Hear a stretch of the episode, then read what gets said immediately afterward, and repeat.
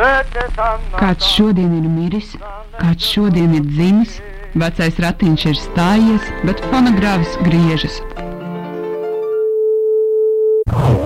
Jūsu mājās katru otro piekdienu, 19.00 Radio Nabērā.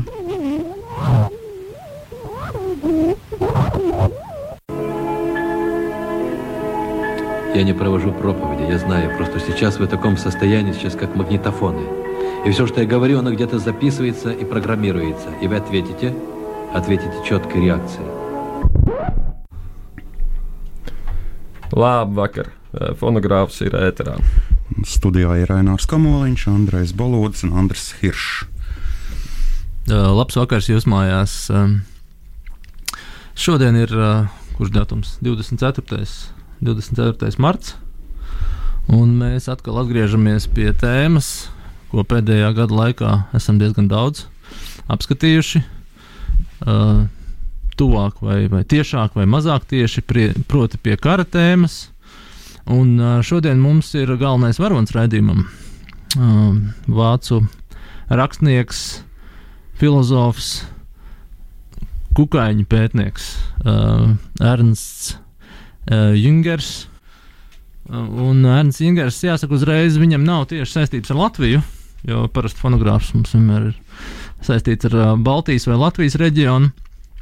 Uh, vismaz viņa dzīves laikā, cik mums ir zināms, viņam nav saist, saistības ar Latviju. Taču Ernsts Jungers ir piedzīvojis uh, tādu pastiprinātu interesi pēdējos gados tieši Latvijā. Ir notikuši, notikuši dažādi pasākumi, um, mēdījos ir izskanējis viņa vārds, ir notikusi konference. Mm, un, um, tāpēc arī mēs šodien runājam par Jingeru. Sapratu, Jingeru arī saista ar tādu terminu kā mm, konservatīvā revolūcija. Uh, mēs šodien pārdomāsim, cik lielā mērā mēs varam attiecināt šādu apzīmējumu uz uh, viņa mantojumu. Un ir plāns arī mm, sazvanīties ar uh, profesoru Raibu Čevski. Iespējams, varam pajautāt arī viņam šo jautājumu. Un uh, noteikti pajautāsim arī par uh, Ingūru aktualitāti. Jā, nu es nezinu, ko vēl Andrejai teikt, tā varētu piebilst. Nu, jā, es arī nu, padomāju par, par to tēmu, tēmu, vai ne? Tik tiešām mums arī iepriekšējais, ne, iepriekšējais, ne, bet pirms tam mums bija par marazmu. Tā kā tā, tā militārā tematika, kara un filozofijas savstarpējās saiknes tēma ir, ir aktuāla pēdējā laikā mums klātesoša, un es pieļauju, ka droši vien arī vēl uz nākamajiem raidījumiem tā tēma tādās vai citādos veidos manifestēsies, vai ne arī raidījuma, raidījuma ietvaros. Bet, eh, jā, nu, atšķirībā varbūt no iepriekšējām reizēm, šoreiz mums tomēr ne, fokusā ir viens uh, konkrēts domātājs. Nu, es pateiktu, arī nu, domātājs un arī viņa konteksts. Jo, piemēram, viens no viņa ilgadējiem sarakstas biedriem bija arī citi filozofi, piemēram, Mārtiņš Haidgars. Mārtiņš Haidgars arī ļoti būtisks mūsu raidījuma kontekstā. Arī mūsu tajā fantāzijas kontekstā, jo galu galā Mārtiņš Haidgars Latvijā bijis ne tikai viena reize, bet saskaņā ar mūsu versijām vismaz trīs. Un varbūt, ka aplūkojot Ingeru, mēs varētu saprast, ko Haidgars darītu Latvijā, vai ko Ingūns varētu darīt Latvijā. Es vēl, vēl viena piebilde. Ja viņa revolūcija būtu veiksmīga. Es tam domāju, ka uh, Ingūns varbūt pat ierakstās arī citos mūsu stāstos, jo viens ir tas stāsts par Franču leģionu un Alžīriju, ja tu pamanīji, vai ne? Mums bija raidījums, kur mēs stāstījām par uh, Krievu uh, filozofu Loski, kurš arī kādu laiku, bet iznāk apmēram. Uh, cik uh, kaut kādus 13 gadus uh, vēlāk arī nonāk Alžīrijā un arī Frančijas nu, leģionā. Tā versija, varbūt viņš arī tur satiek jauno Derdā, kurš arī tomēr Alžīrijā dzīvo un spēlē futbolu. Es domāju, ka, priekš, ka tā Alžīrijas tēma varbūt tas ir pilnīgi atsevišķs raidījums kādā reizē. Nu, mēģināt. Uh, jā, varbūt tu jauc ar Albertu Kamī, arī viņu viņš varēja satikt uh, spēlējam futbolu. Man liekas, ka tur principā jā, Alžīrija un filozofija, man liekas, neaplūko tēmu. Jā, šeit parādās arī tā saikne ar, ar Latviju. Nikolais Lasks, tu teici, krievu filozofs, bet nu, dzimis Latvijā. Nu, Latvijas poļu izcelsmes vispār, ja stingri skatās, jā, bet, bet dzimis Latvijā. Jā. Un, protams, arī mēs varam atcerēties, mums bija raidījums par, par Pirmo pasaules karu. Tā kā Ingūns arī bija Pirmā pasaules kara dalībnieks, mums bija par filozofiem Pirmajā pasaules karā. Šķiet, mēs nepieminējām Ingūru. Man ir liekas, ka nepieminējām. jā. Mm, bet, nu, iespējams, viņš atradās kādā pulkā kopā ar kādu domātāju. Nu, tas vēl ir izpētes jautājums. Kad vērtības zūd un viss brūk, Nāk morālais skalnietis.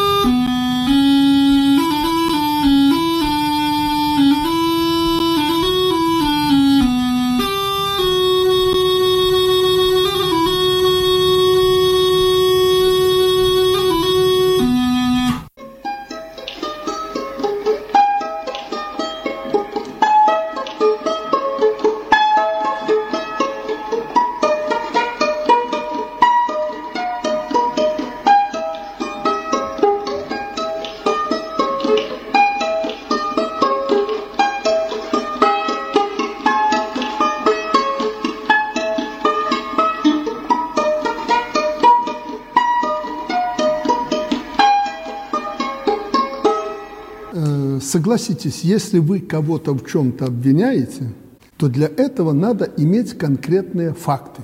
Если такие факты будут, я публично извинюсь.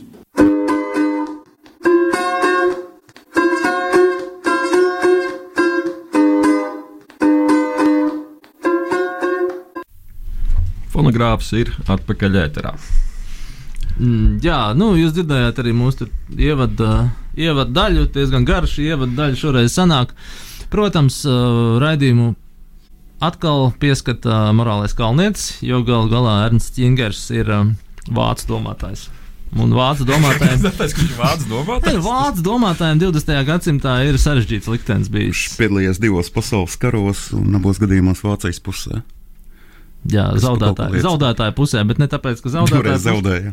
Jā, ne tāpēc, ka zaudētāja pusē, bet nu, viņš, protams, bija arī nacistiskās Vācijas uh, armijā, un līdz ar to nu, tie uzskati. nu, Es saprotu, ka Adolfs Hitlers arī par viņu iestājās, jo viņam bija uh, dzīvē dažādas situācijas. Un, um, kā es lasīju, tad uh, Adolfs Hitlers teicis, ka ne, Junger neaiztiec. Nu, tā bija konkrēta situācija. Tas bija, cik es atceros, tas bija, kad viņš 39. gadā izdeva uh, romānu, un tas romāns viņu varēja, inter, nu, viņš principā nevis varēja interpretēt, bet viņš bija totalitārismu iekārts, tāds kritisks aplūkojums, un Gēbels teica, ka šis ir brīdis, kad vajadzētu kā to rakstnieku tomēr pabīdīt malā. Nu, var saprast, kas ar to būtu varējis eh, būt domāts, un tad attiecīgi savukārt eh, Hitlers esot teicis, nē, nē, šo nezinu. Vīru mēs neaiztiksim. Uh, nu jā, līdz ar to, mm, ja kādam ir kāda iebilduma, tad lūdzu faktus liek, liekam galdā. Un tad mēs atvainosimies. Jā. Jā. Baķis atvainosies. Mm, Vēl viena piebilde arī no mūsu puses. Mēs nebūtu neesam pirmie, kas Latvijā pievēršās Ingaram. Šeit ir jāizsaka arī mūsu, mm, es nezinu, kā to nosaukt. ā, Es, man, man grūti tev palīdzēt, Andrej. Es, nezinu, Es nevaru atrast domājis, īsto bet, vārdu, eh, bet, nu, proti, par šo, par Ingaru, vai ne, ir Raivs Bičevskis aktualizē šo domātāju, bet arī uh, konservatīvā spārnā domātāji Latvijā ir uh, runājuši par Ingaru. Es personīgi neklausījos. Uh, ir tāds uh, podkāsts pārbaudas laiks, tur bija intervija ar Raivu Bičevski. Un uh, tika stāstīts arī diezgan daudz par um, Ernsta Ingera biogrāfiju. Līdz ar to es ceru, ka mēs neatkārtosim. Neatkārtosimies. Mēs pievērsīsimies varbūt arī citiem jautājumiem. Lai gan, nu, droši vien biogrāfija kaut kāda at atsevišķa ir nepieciešama. nu, Ieskatīt Tādās lielās līnijās droši vien, ka vajadzētu ieskatīt. Jā, un uh, varbūt atrast tos pieturas punktus, kur mēs varam ieraudzīt to tādu fantāzijas iespēju vai neskaidrības, kā tas ir mūsu raidījumā, uh, piedienu. Jā, un, ja nu gadījumā kādam ir iebildumi par mūsu faktiem, tad droši tālruņa numurs studijā 6722, 9986. Zvaniet, dalieties ar saviem iespējām.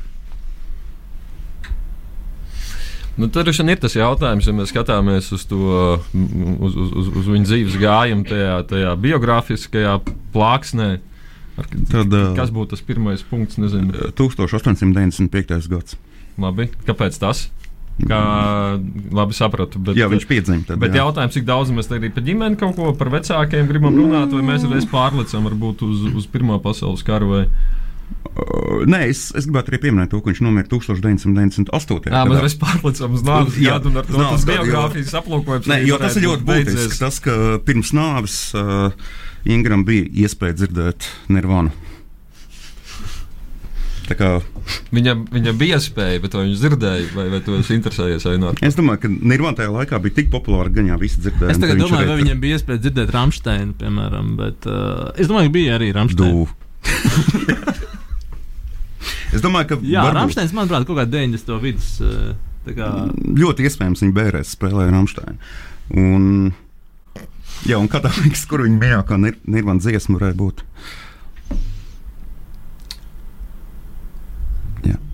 Tev ir kāda konkrēta versija, kad tu jautāji? Jā, Nē, jā, es- man liekas, ka tev ir es- konkrēta man, man, man bija aizdoms, ka jautājumi ar kaut kādu intensu. Nē, man nebija. Tā nē, tad tev man nebija versijas. jā. Tas bija nu, konkurss tas, ir, jautājums. tas ir konkurss jautājums. Ja nu gadījumā kādam ir versija par to, kāda ir uh, Ernsts Ingera mīļākā jā, nirvana, vai varētu būt attiecīgi jā, atbilstoši mm. viņa uzskatiem un, un nostājai. Uh, bet atgriežamies varbūt tad pie, pie, pie biogrāfiskās daļas. Es nezinu, Andri, tev bija kaut kas interesants sakāms par viņu vecākiem. Um, man liekas, tur Nē, tie- nu, parasti tā akcentē. tēma. Nu, parasti akcentē, vai ne, kad, kad uh, māte viņam bija, bija sēde, kas ļoti aizrāvās ar literatūru, ka tas, protams, viņu ir Ar ietekmējis. Ar gētu viņa spējusi, jā, tur gēta no galvas citēt, ka tas noteikti ir atstājis savu ilgtermiņa ietekmi. Ā, Tēvs savukārt nodarbojās ar zinātnē, vai ne? Viņa tur arī tā botānika Ķīmija. interesēja, kas arī neapšaubām atstāja mm, ietekmi uz viņu. Mm. Nē, un interesanti tas, ka uh, viņa tā interese saistībā ar kukaiņiem jau arī bija Pirmajā pasaules karā, kurā viņš uh, ierakumos vāc uh, visās šīs vabolītes. Jā, man vispārējo. liekas interesants moments. Es grūti iedomāties. grāmatu par uh, šo vaboļu, tā teikt. Nē, nu labi, bet vienlaicīgi es vienkārši domāju, vai ir laiks tur lasīt tās vaboles, bet nu, Pirmā pasaules kara laika, laikam tā fronte bija, vai ne? Nē, Pirmais ilgi- pasaules karš bija, ilgi tiešām, jā. Nē, Pirmais pasaules- Pirmais ierokumos. pasaules karš ir kukaiņu karš. Es domāju, Nē. ka mēs lasām visas grāmatas pirmā pasaules kara. Tur visiem ir utis, vai ne? Tas tā kā, nu, es, tāds, es nedomāju tā, bet es domāju tā, ka viņš ir pateicīgs filozofiem. Ja galu galā Pirmajā pasaules karā ierakumos arī Wittgensteins uzraksta vai sāk rakstīt savu darbu, traktātu. Varētu būt bijis tā, ka viņi katru sēž pretējā frontes līnijā kaut kādā. Kaut Nē, kādā ar Wittgensteinu bija vienā Nē, līnijā, laikam, jā. bet- Jā, viņš Wittgensteins bija Austrijā, vai ne? Austro. Mm, Nevarēja būt bijis tā, ka viņi blakus, nu, tādā ziņā, nu, kad, eh, vai, vai, vai nē. Bet, nu, droši vien jāpapēta. Man liekas, ka viņi bija dažādās frontēs. Starp citu, jā, es, es par to domāju, un es uh, skatījos Jingerā, to, to, kur viņš atradās. un Man liekas, ka es pamanīju pazīstamas, uh, pazīstamas uh, topogrāfiskas mm, apzīmējumus, un man šķiet, ka daži fenomenologi atradās uh, kaut kur līdzās Jingeram. Līdzās? Jā. Ah. Kaut kāda Langemarka bija, kur viņi devās kaut kādā uzbrukumā. un Tad es atceros, bija viens fenologs, kurš varonīgā nāvē mira. Bet, uh, bet bija Inga- Ingers, pieredze, iz, izdzīvoja šajā, šajā Ok. karā. Ah, bet tur nebija viņam tas stāsts viens, kur viņš tā kā tiek ievainots, un tad viņš kāds mēģina nest, bet to karavīru, kas viņu mēģina aiznest uz me- metpunktu, nogalina. Nē. Un tad arī ir ārsts, kas mēģina viņu ārstēt, un to ārstu arī nogalina, bet viņš beigās izdzīvo. Nu, Varbūt, ka nē, tas nu, nesējis bija kāds no šiem nu, fenomenologiem. vienkārši pats Ingers bija īsts fenologs, visi ieliek. Nē, pats dzīvo Visi tālāk. citi palika iekavās. Ne? Bet vēl, nu, kas būtu saistībā ar to Pirmā pasaules karu, ka- kas būtu īpaši jāakcentē? Viens, ko arī biogrāfija ierasta akcentē, ka viņam tajā brīdī nav kaut kā nu, šī politiskā fona. Kādas tādas dziļas ideoloģiskas pārliecības, kāpēc viņš dodas uz fronti. Tajā brīdī viņš to dara vairāk, nu, tādas pieredzes, jauneklīgas jūsmas vadīts vai kaut kā tam līdzīga, varētu raksturot. Nē, nu, kā es saprotu, tad, uh, bet pie tā mēs pievērsīsimies vēlāk. Viņam ir šī saucamā modernitātes uh, kritika.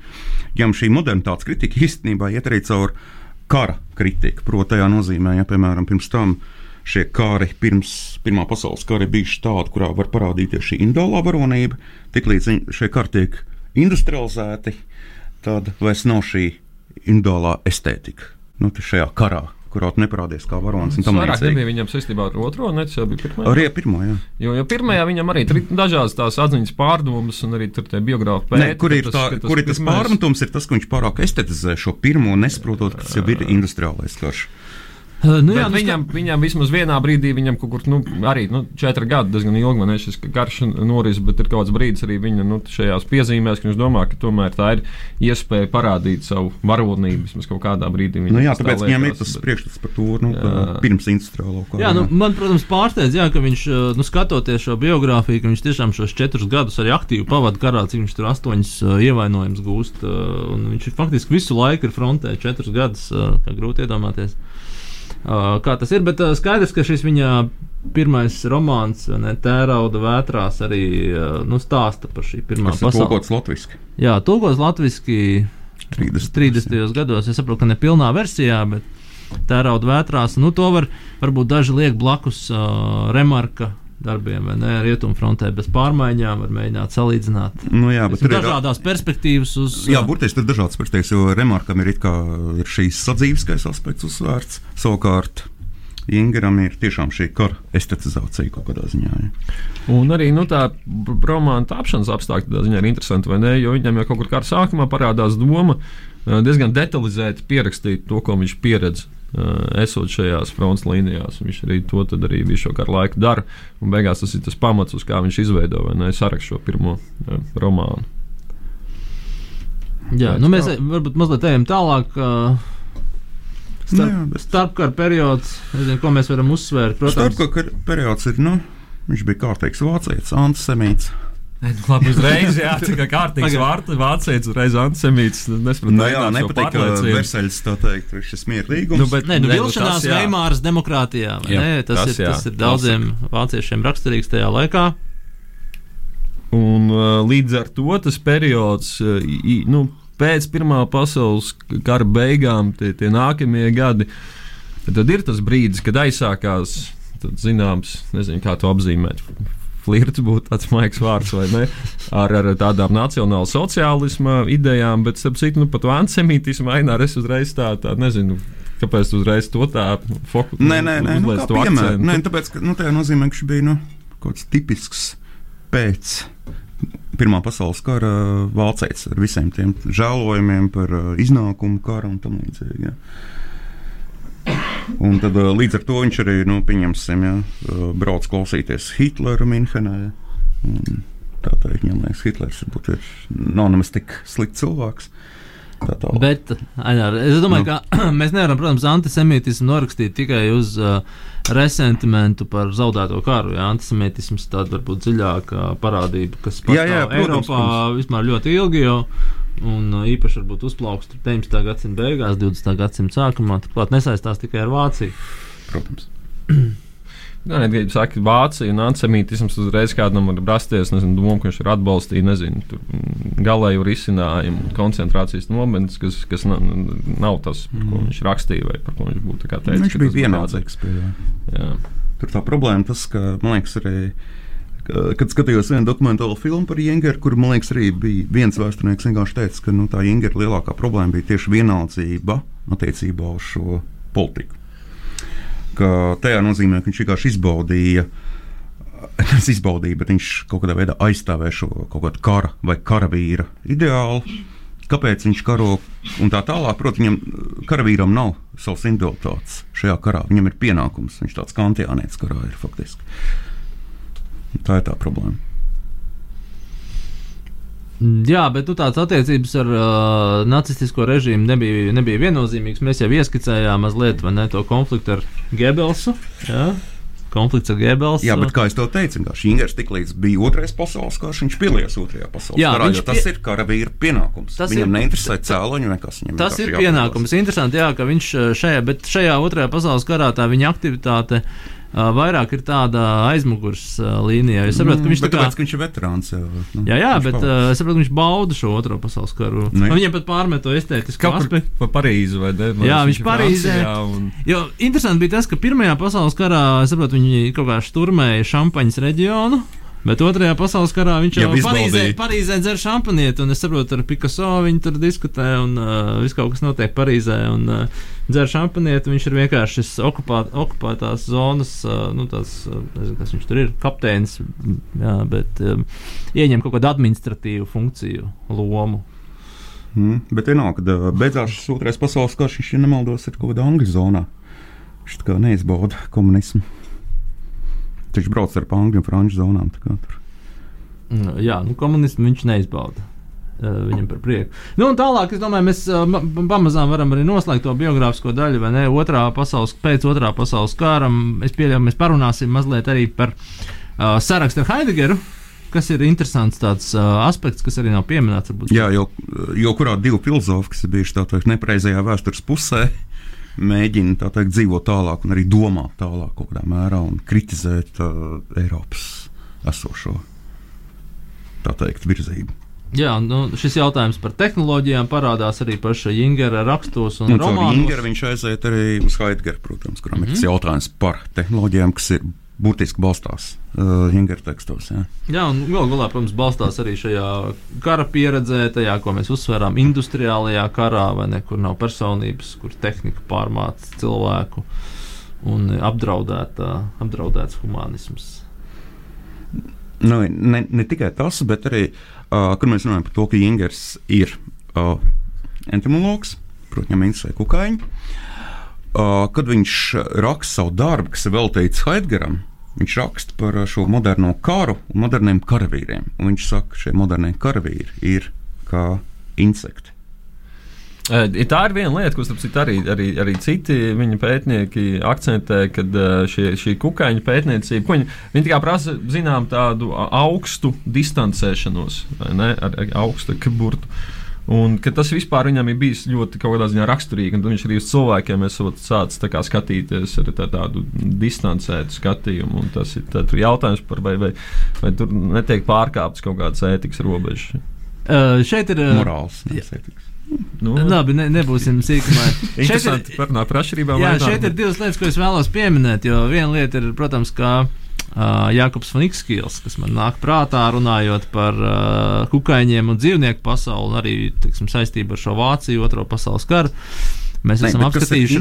Jā, kas ir interesanti, ka izkilam kukaiņiem ir šī dzīves pasaule.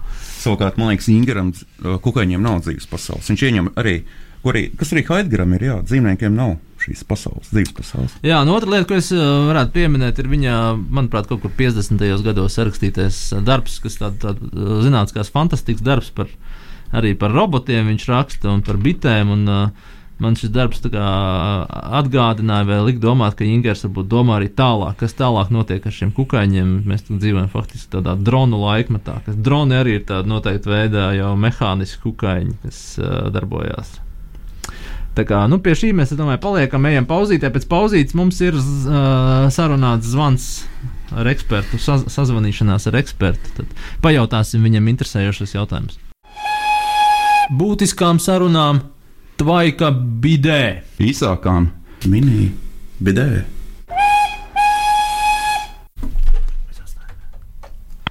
Uh, jā, labvakar. Labvakar! Vai mēs dzirdam uh, profesoru Raivu Bičevski? Jā, jūs viņu dzirdat, viņš pašlaik pastaigājas pa tumšām vecrīgas ielām. Uh, tas, ir, uh, tas ir lieliski. Uh, mēs, uh, mēs esam raidījums fonogrāfs, un mēs šodien runājam par uh, Ernstu Jingeru. Un, uh, mēs jums piezvanījām kā nu, tādam uh, intereses par Jingeru veicinātājam, varbūt un aiz, aizsācējam Latvijā. Vai, tā, vai, vai tas atbilst uh, faktiem? Faktiem. E, nu, nu, varbūt daļēji tādā ziņā, ka nu, tā mana interese par Ingeru ir nu, kā e, interese par um, vācu filozofiem, domātājiem un intelektuāļiem, kas 20. gadsimta gaitā ir nu, neizmērojami bagātinājuši. Es gribētu teikt, mūsu izpratni par to, kādas vispār var būt cilvēku un pasaules attiecības. Bet, bet, bet tā interese tad veidojās primāri nesaistībā ar, ar, ar viņa literārajiem tekstiem, bet tieši saistībā ar filozofiskajām atziņām, vai tieši otrādi. Varbūt sākotnēji lasot viņa literāru, literāros darbus, tad ir radusies arī tā interese par viņa filozofiskajām atziņām. E, nu, es gribētu tur komplementāras attiecības tā drīzāk teikt, jo pirmais uh, paliekošais iespējas, protams, bija viņa romāns uh, uz marmora klintīm. Uh, tas bija ļoti spēcīgs iespējas jau studiju laikā Minsteres Universitātē, ka tur ar, uh, ar uh, um, jā, ar vācu teikt, fondu atbalstu nācās studēt kādu laiku, un tad universitātes bibliotekā jā, paralēli Eh, tur sastopamajiem Leibnica un citu filozofu sējumiem uzdūros uz Ingera darbiem, un tas bija pirmais paliekošais iespējas, viņa romāns. Bet, bet paralēli es gribētu teikt, eh, es uzdūros Ingeram eh, lasot Heidegera lekcijas un seminārus, kas bija publicēti viņa kopoto rakstu, kas Zemtauskābi ietveros. Jā, jo Heidegeram ir par Ingera uh, 30. gadu darbiem, par strādnieku, uh, par um, totālo eh, mobilizāciju. Ir semināri, kur viņš mēģina skaidrot Junkeru kā tādu modernā laikmeta e, diagnostiķi. E, un, e, nu, teiksim tā, tādā nozīmē komplementāri bija šī interese, jo nesākās gan ar literāru vienu darbu, gan īstenībā tādā filozofijas lauzumā, laikmeta diagnostikas sakarībā. Bet eh, nu, viņš arī tomēr ir domātājs, kas ir nu, komplicēts? Līdzīgi kā, kā Heidegers, tas ir tā mazliet tā politkorektuma vai nekorektuma uh, aspekts vai, vai moments. Un arī, kad jūs taisījāt to konferenci, kāds ir tas rakurs vai skatījums attiecībā uz šo aspektu? Es pieļauju, ka nevienam vien varētu rasties kaut kādi jautājumi vai, vai neskaidrības attiecībā, attiecībā uz šo aspektu. Jā. Jā, nu, Ingūna gadījumā es domāju, tās lietas ir diezgan skaidras. Tomēr šajā politiski nekorektuma vai korektuma kontekstā.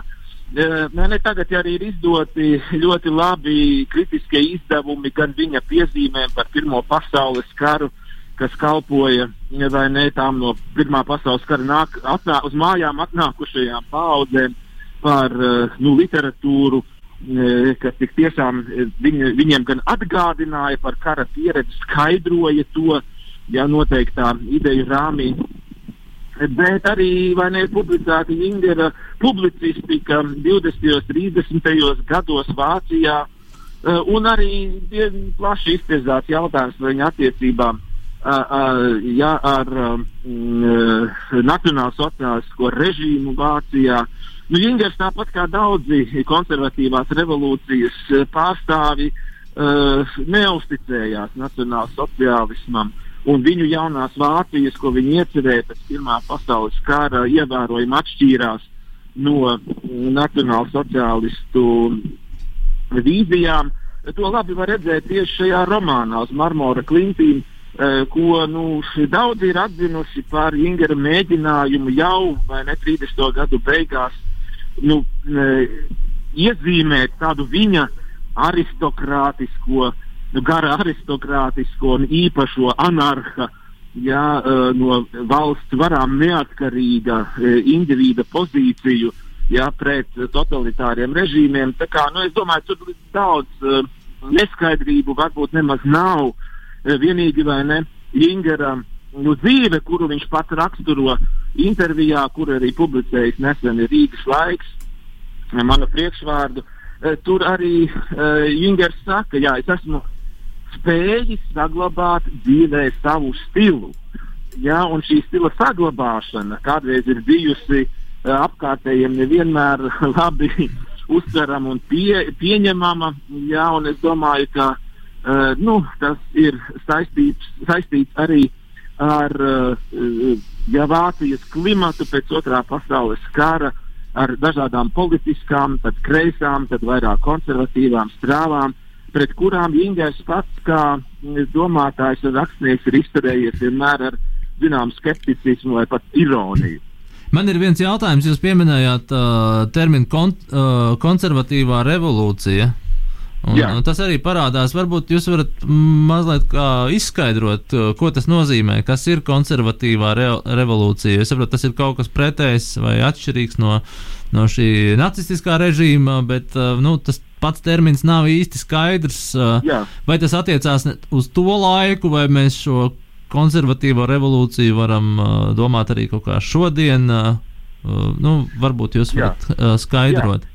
Jā, jā nu, šis termins pats par sevi, protams, ir arī izraisījis diskusijas, vai tas ir labs apzīmējums tiem intelektuāļiem Veimāras republikā, tātad jā, pēc Pirmā pasaules kara no 1918. gada līdz pat mirklim, ja, kad 1933. gadā ja Nacionālā sociālistiskā strādnieku partija iegūst vairākumu tātad Reistāgā.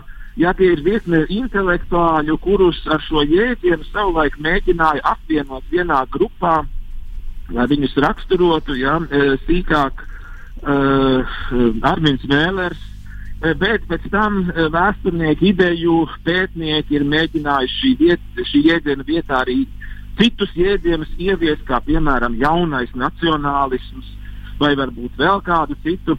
E, bet, nu, principā tas ir apzīmējums virknei autoru un tādus, kā var te nosaukt, kā Osvalds Špenglers vai savā ziņā arī Karls Šmits vai arī, e, nu, vismaz daļēji Ernsts Jingers, e, kas tolaik tātad šajā ideju un dažādo politisko strāvojumu pārņemtajā ja Vācijā mēģina ieskicēt iespējamās jaunās Vācijas, iespējamās arī Eiropas nākotnes perspektīvas. Un to viņi dara, uh, izmantojot gan savus literāros, dzīskos, gan, varētu teikt, ja, politisko ideju un filozofiskos eksperimentus. E, un, nu, jā, tik tiešām tas ļoti raips īstenībā intelektuāļu um, tāds, tā raiba grupa, ja, ko pēc tam, protams, ir ļoti grūti klasificēt, bet tiem visiem ir kopīgs tomēr viens jā, proti uh, mēģinājums uh, palūkoties uz uh, Eiropas pēdējiem diviem gadsimtiem kā iespēju laiku, tādu iespēju laiku, ko ir radījusi Franču revolūcija, bet kur ir radījusi ne tikai jaunu cilvēku un sabiedrības izpratnes iespējas, bet arī briesmas. Un šīs iespējas un briesmas apsvērt, pārdomāt, izmantot, nu, šie konservatīvās revolūcijas pārstāvi arī ir mēģinājuši savos tekstos. Revolūcija gan kā apzīmējums ir tāds skaļš apzīmējums, vai ne? Viņš tā kā Ja es Jā. pareizi atceros, tad attiecībā uz Ingeru vai ne, viņš, viņam teiksim, tās kaut kādas nesaskaņas attiecībā uz nacionālu sociālistiem daļai arī bija saistīts ar to, ka viņš uzskatīja, ka tai revolūcijai tomēr ir jā, jānotiek kaut kādā brutālākā varbūt veidā vai uzplaiksnījuma veidā, ne tik daudz pakāpeniski politiski pārņemot varu. Uh, e, nu, jā, viņš jā, šajā 30. gadu publicistikā īstenībā pauž ļoti radikālu nākotnes redzējumu. Um, piemēram, rakstā arī nacionālisms un nacionāls sociālisms, kur mm, viņš šos abus jēdzienus pretstata. Ja, tātad nevis mēģina atrast kaut kādu saistību, bet gluži otrādi tos pretstata. Uh, un eh, šajā posmā eh, viņam vēl ir raksturīgs tas, ka viņš pret moderno laikmetu, pret tehniku, pret jaunām iespējamām masu organizācijas formām, pret cilvēka attiec, attieksmi pret dabu skatās diezgan vēl. Um, nu, mēs varētu teikt, nu, tādi gandrīz vai tehnokrātiski. Ja, tad vēl šajā posmā Ingers domā, Eh, un, un šīs domas parādās ja, arī uh, filozofiskajās esejās, ja totālā mobilizācija un strādnieks. Tur viņš vēl domā par uh, to, cik lielā mērā jaunais laiks, ja modernais laiks pēc Franču revolūcijas ir kļuvis par uh, tādu laikmetu, ja, kurā mainās nevis tikai politiskās iekārtas, bet vispār cilvēku un realitātes attiecības, kur cilvēks kļūst par visu E, dabīgo, dabiski veidojušos vietu konstruētāju, pārveidotāju uh, un um, apstrādātāju. Uh, un uh, to viņš izvērš to figūru strādnieku kā tādu metafizisku ja, tēlu, uh, ja priekšplānā. Uh, bet pēc tam, ja vēlāk jau uh, viņš no šīs drīzāk uh, vīzijas, ja jaunā laika, kas nāk vīzijas atsakās, un mēs redzam viņu vairāk priekšplānā uh, izvirzam citus tēlus. Ja? Piemēram, šo tēlu, kas parādās vēlīnējos romānos, Anārs. Uh, jā, tagad es pieslēgšos savu jautājumu, jo uh, jūs laikam runājat par strādnieku, bet uh, viņam arī ir darbs, uh, ja nemaldos, uh, viņas līnijas, tā viņš saucas. Ja? Vai, jā. jā. Un, uh, tur viņš savukārt viņš raksta par šiem konservati konservatīvajām vērtībām, domātājiem un tā tālāk. uh, viņš laiku uzsver šo, kā, šo uh, dinamismu un kā, šo uh, kā, apstāšanās, uh, šo dinamiku. Un, uh, tad viņš saka, ka principā konservatīviem, konservatīviem domātājiem ir jāpaļaujas uz uh, aristokrātiem, uz armiju un uz laukiem, kā uz šādu konservatīvo, vērtību, kā šo saturētāju. Un tad viņš saka, ka pieņemsim, tad ir tie sliktie konservatīvie, kuri savukārt uh, turās pie kaut kādām dinamiskām teorijām, kuri neturās pie šīs aristokrātijas pamata. Un tas, man liekas, ir nedaudz problemātiski, piemēram, mūsdienās, ja mēs domājam par uh, konservatīvo revolūciju, kurā būtu kaut kāds aristokrātisms. Jā, jā nu, es jau gribētu teikt, ka tur um, jā, šī viņpus līnija pāri līnijai, pēc tam jā, šim darbam Mārtiņš Heidegers veltīja tādu repliku jā, par līniju. Uh, un, uh, jā, tajā darbā es nedomāju, ka Ingūns identificējas ar šo kādu veco aristokrātiju vai vēl tur vairāk, vairāk vēl armiju, kaut gan, protams, viņš ir ilgus gadus eh, no savas dzīves pavadījis. Ja? Armijā taču nekad nav eh, par spīti ja, tam, ka Pirmajā pasaules karā saņēmis augstus apbalvojumus mm, ja, un uh, pabijis arī otrās, pas, otrā pasaules kara laikā ja, okupētajā Parīzē, ja kā nu, tā brīža, ja, uh, uh, ja šī Parīzes. Um, nu, varētu teikt, virsnieku štāba, ja, Vācu armijas virsnieku štāba, viens no ja, um, virsniekiem. Uh, nē, es domāju, ka tas nav viņa līmenis, tas nav viņa īstais dzīves konteksts. To drīzāk mēs redzam varbūt darbos, kas jau tiek publicēti pēc otrā pasaules kara, piemēram, tuvošanās, ja, um, vielas un ekstāze, ja, ko viņš raksturo uh, ja, cilvēkus, uh, kuri ir pār, pārkāpuši pavisam citas līnijas. Tas ir sabiedrisko konvenciju līnijas un iegājušas saskarē ar pirmotnējiem spēkiem, jā, kas slēpjas mītos, kas slēpjas um, ekstātiskos pārdzīvojumos un kas slēpjas individuālā satikšanās notikumā ar uh, realitāti. Jā, bet uh, principā jau Jingeram ir šīs, šī demarkācijas līnija starp šo uh, kārtību, kas ir tā tehnoloģiskā kārtība, kas pārņem šo haosu noteiktā veidā, un šo brīvības, kā šo, mm, es teiktu, savvaļu. Kurā var realizēties šī brīvība, vai ne? Un tad, Es ma arī- mazliet pārtraucu, man liekas, profesors Bičevs runā par LSD pieredzi šajā brīdī. Mēs visi par to runājam, bet Nu, Nu, labi, tieši. jā, e, ne, varbūt tas tāds mums tagad sanāk tāds kalambūrs un Jā. kombinēts, vai ne? Stāsts, kurā līnija, kurā līnija e, jāstarp e, noteiktām tādām, nu, e, attieksmēm, pozīcijām, jā, pret sabiedrību vai, e, e, vai pret politiskiem, e, politiskajām iekārtām vai, vai režīmiem, e, ja pārbīdās, ja pārbīdās un mēs nonākam pilnīgi citu, ja psihonautisku piedzīvojumu jomā.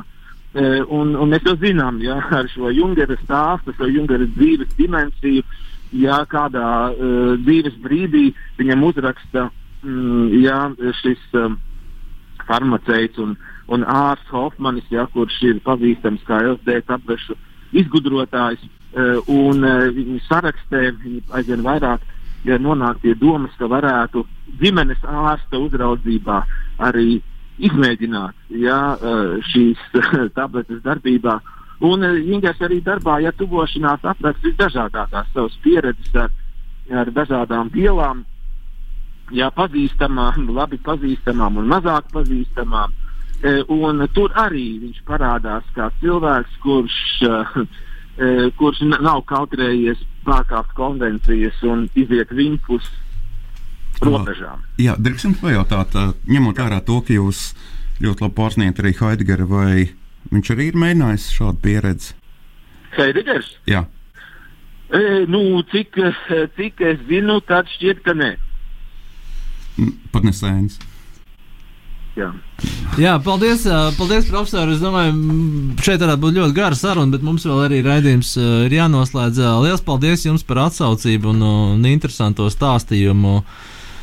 Lai jums veicās šovakar un, un, un, un veicās Jā. arī turpmākajā filozofiskajā darbā. To mēs Nu, novēlam. paldies, jā, paldies jā, par novēlējumiem, un, un gan jau mēs turpināsim kādreiz sarunu par šiem tematiem arī citos apstākļos. Jā, paldies, paldies, vislabāk! Labi, visu labu, visu labu.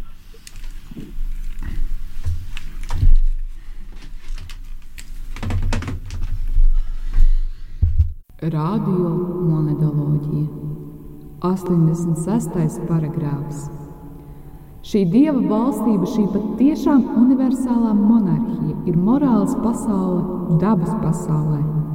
Tā ir pats cildenākais un pats dievišķīgākais dieva veikums, un tieši tajā patiesi pastāv dieva slava, jo tās nebūtu, ja gari tās diženumu un labestību nezinātu un neapbrīnotu.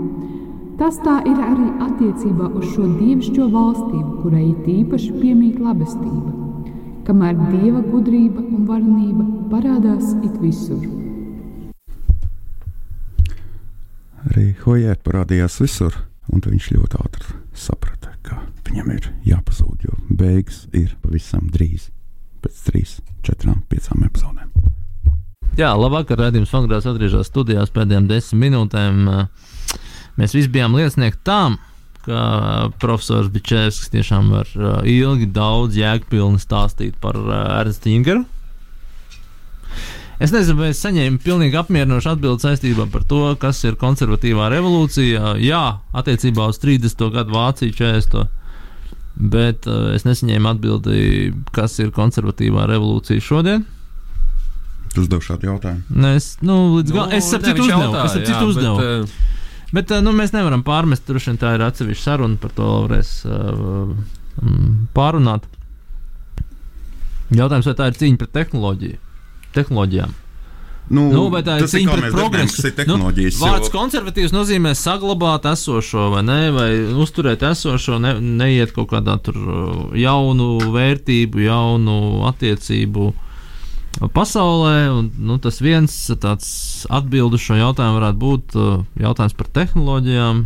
Cik lielā mērā šīs Nē, šajā tehnoloģijas gadījumā jautājums par tehnoloģijām gan Ingaram, gan arī Haidgaram ir uh, viens un tas pats. Protams, ir veids par uh, jautājums par ierāmēm, par to, kādā veidā mēs ierāmējam esošo. Ja? Un tad, uh, piemēram, Ingaram problēma saistībā ar tehnoloģijām bija burtiski. ka Viņš uzskata, ka šī modernais karš, ko viņš bija iedomājies tādā romantiskā aspektā, kurā ir šie individuālie varoņi, ir drīzāk vienkārši tehnoloģisks karš, kurā tas vienkārši viens no Ja mēs teiksim, skatāmies uz kaut kādu aktuālo situāciju attiecībā uz Ukraiņu, Krieviju, tā arī varētu domāt. Ne, tā ziņā, ka viss nu, lielā mērā balstās tajā, vai tur ir ekipējums īstais, tiks aizsūtīts vai netiks aizsūtīts. Vai ne? Skaidrs, ka uz to tehniku ir tas lielākais akcents. Jā, bet kaut reizē kaut kāds PR sev arī tur ir tāds, ka uh, tu individualizē šo kāru, ja tur pieņemsim, ja tur Kievas spoks, ja tur lidoja tur kā tāds individuālais varonis un tam līdzīgi. Turklāt mēs Nu, vēl redzam tā arī- mēģinājumi tā kā Ir, nu, jā, jā, to skaidrs, šādi jā, jā, jā. versus. Mēs vēl redzam arī tā pirmā pasaules kara tādus vaibus. Arī, arī Krievijas un Ukrainas. Uh, Tās fronts vai ne? Kad, jā, jā, tur ir tās tāds i- ierakumi, jā. Ierakumu karš. tā kā. Tas nekur nepazūd. Ainar. Redzi, konservatīvā revolūcija nozīmē, ka tās lietas nekur nepazūd. Tā kā domā, ka tas būs Nē, moder, konservatīv- modernais karš, kas neskars vai ne civilos, kas tur uh, nebūs Nē, tīri konser- tehnoloģisks, bet nekā. Ja es pareizi sapratu, Ingūna koncertu revolūcija, tad viņam bija tā, ka o, tas nav vienkārši kaut kāds veids, kā tu izskaidro pasauli, cik tas, ka tev ir kaut kāds transcendentāls, kaut kas, kas satur šo pasauli. Bet tad jau tas nav tik daudz, tad ir kaut kāda tehnika saistīta. Jā, tāpēc viņš vērš par tehniku. Jā. Nē, es domāju, tas nav. Tas ir, kā tu teici, tas ir kā tu satver šo pasauli. es? Transcendentālais. tā kā Ainārs satver pārāk sarežģīti izteicās. Kāpēc? Nē, tas nebija sarežģīts. Es vienkārši domāju, ka tas, nevajag, tas obligāti kaut kā, vismaz man prātā, uzreiz nesasaistās ar tehniku kaut kādā ziņā. Jā, bet uh, mēs pieminējām, uh, un arī profesors Bičels pieminēja Jingeru un Heideggeru. Ainārs sapratu, es apsties to, to. Viņiem ir saraksta, vai ne? Varbūt mēs varam radījumu pašā. Es domāju, ka viņiem ir tuvojoties saraksts. 58 minūtēm, mēs varam sākt. uh, Es domāju, ka 59. sākšu runāt. Bet, uh, ja mēs runājam par uh, Jingeru un Heidgeru, tad uh, tā ir, liekas, viena no interesantākajām tā kā, uh, sarakstiem vienā nozīmē. Tāpēc, ka uh, Heidgers, protams, arī Otrajā pasaules karā, un arī nedaudz pirms tam bija tomēr, nu, nacistu atbalstītājs. Un tas ir uh, ļoti interesanti, ka filozofi atbalsta dīvainas ideoloģijas. Vācu filozofi. Ainār. Nē, nu, ir jau arī Angļiem arī Ir problēmas. jau arī, ir ar- jau arī krievu filozofi tagad. Un, Krievijas filozofija, jā, jā, visādi. Mēs varam atrast visādas. Nu, lūk, un tad tā tad beidzās otrais pasaules karš, kurā otrais pasaules karš gan Ingram, gan arī Hedgram bija relatīvi kā, nu, komfortabls. Nebija ierakumos, ja? nepiedalījās kaut kādā blitzkrīgā. Uh, taču ņemot vērā to, ka viņi bija tajā nacistu pusē, man liekas, ka viņiem bija diezgan tāda laba komunikācija. Un uh, vienā punktā viņi domā, ka varbūt vajadzētu izdot uh, žurnāliņu, nu, tur filozofijas žurnālu. Un uh, Haidegaram ir divas tēzes, un abas man patīk. Pirmā tēze bija tāda, ka jā, nu, jebkas, ko viņš, jebkas, ko viņš darīs, būs politisks. Līdz ar to varbūt gan Jingaram, gan arī Haidegaram ir jākļūst par vientuļniekiem. Tādā zartustiskā nozīmē, ja viņi tādi vientuļi. Un bet tāds tēze. saikne ar politiku uzreiz kādā ziņā. Nu, viņi kaut Nu, tāpēc, ka viņi saprot, jā, ja viņi izdod žurnālu, Jā. tad uzreiz vērtēsim pagātni, un ar to pagātnes vērtēšanu arī sapratīs, ka viņa tagadējā rīcība ir nu, politiski vērtējama. Tajā Mhm. nozīmē. Labi. Nu, kas ir saprātīgi. Uh, otra lieta, kas man ļoti, ļoti patika, bija tas, ka Haidgara tāda vēl viena piezīme, kāpēc neizdot šo žurnālu. Kāpēc neizdot? Jā, kāpēc neizdot žurnālu Ingram? Tāpēc, ka žurnāls kā forma ir ļoti novecojis. Nu, Absolūti novecojis. Tad, uh, principā, šo varētu aizsūtīt, es nezinu, tur tīronam, ja Rīgas laikam, tvērumam, vai kas tur. Bet viņš nepiedāvāja kaut kādu nu, alternatīvu. Viņš vienkārši teica, ka tas nav jādara. Es domāju, ka viņa alternatīva bija grāmatas, vienkārši grāmatas kā, buklets. nu labi, nu, kāds tagad teikt, ka grāmata arī ir novecojis formāts, vai ne? Nu, jā, bet tad, jā, nu, Haidgara laikā nebija internets. Jā, tas ir jocīgi, ka konservatīvās revolūcijas pārstāvja teikt, ka uh, žurnāls ir novecojis formāts, jo nu, šķiet, ka nu, tas ir veids, kā Nu, varbūt- vienmēr tās zinātnīs jau- idejas ir uh, vai ne translētas sabiedrībā. Caur, Jā, caur- bet tajā vēstulē viņš jau nepateica, varbūt viņš varbūt tiešām gribēja, nu, nezinu, rakstīt papirus, ja, tur kaut kādas Tagad viņš gribētu blogu rakstīt. blogu. jā, Aidīgs tur- saka, nē, rakstām blogā. Labāk Facebookā blogs nekā žurnāls. Jā. Zaidi,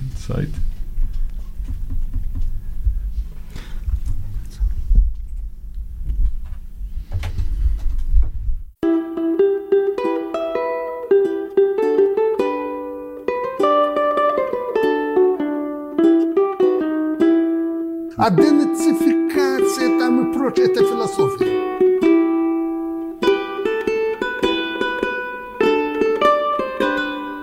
Поверьте, это философия.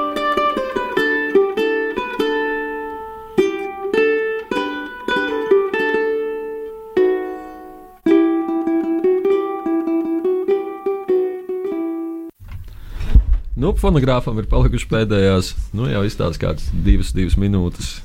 Es nezinu, mums ir kaut kā. Jā, mēs dzirdam šobrīd uh, tēzes. mūsu austrumu kaimiņa uh, pastāvīga reakcija šajā raidījumā uz, uh, uz, uz, uz lietām, par ko mēs runājam. Bet denacifikācija, protams, ir uh, svarīgs jautājums, jo Heidegers izgāja šo procesu par Ingeru. Bija skaidrs, ka varbūt tur nav, nav tik ciešas un skaidras saites. E,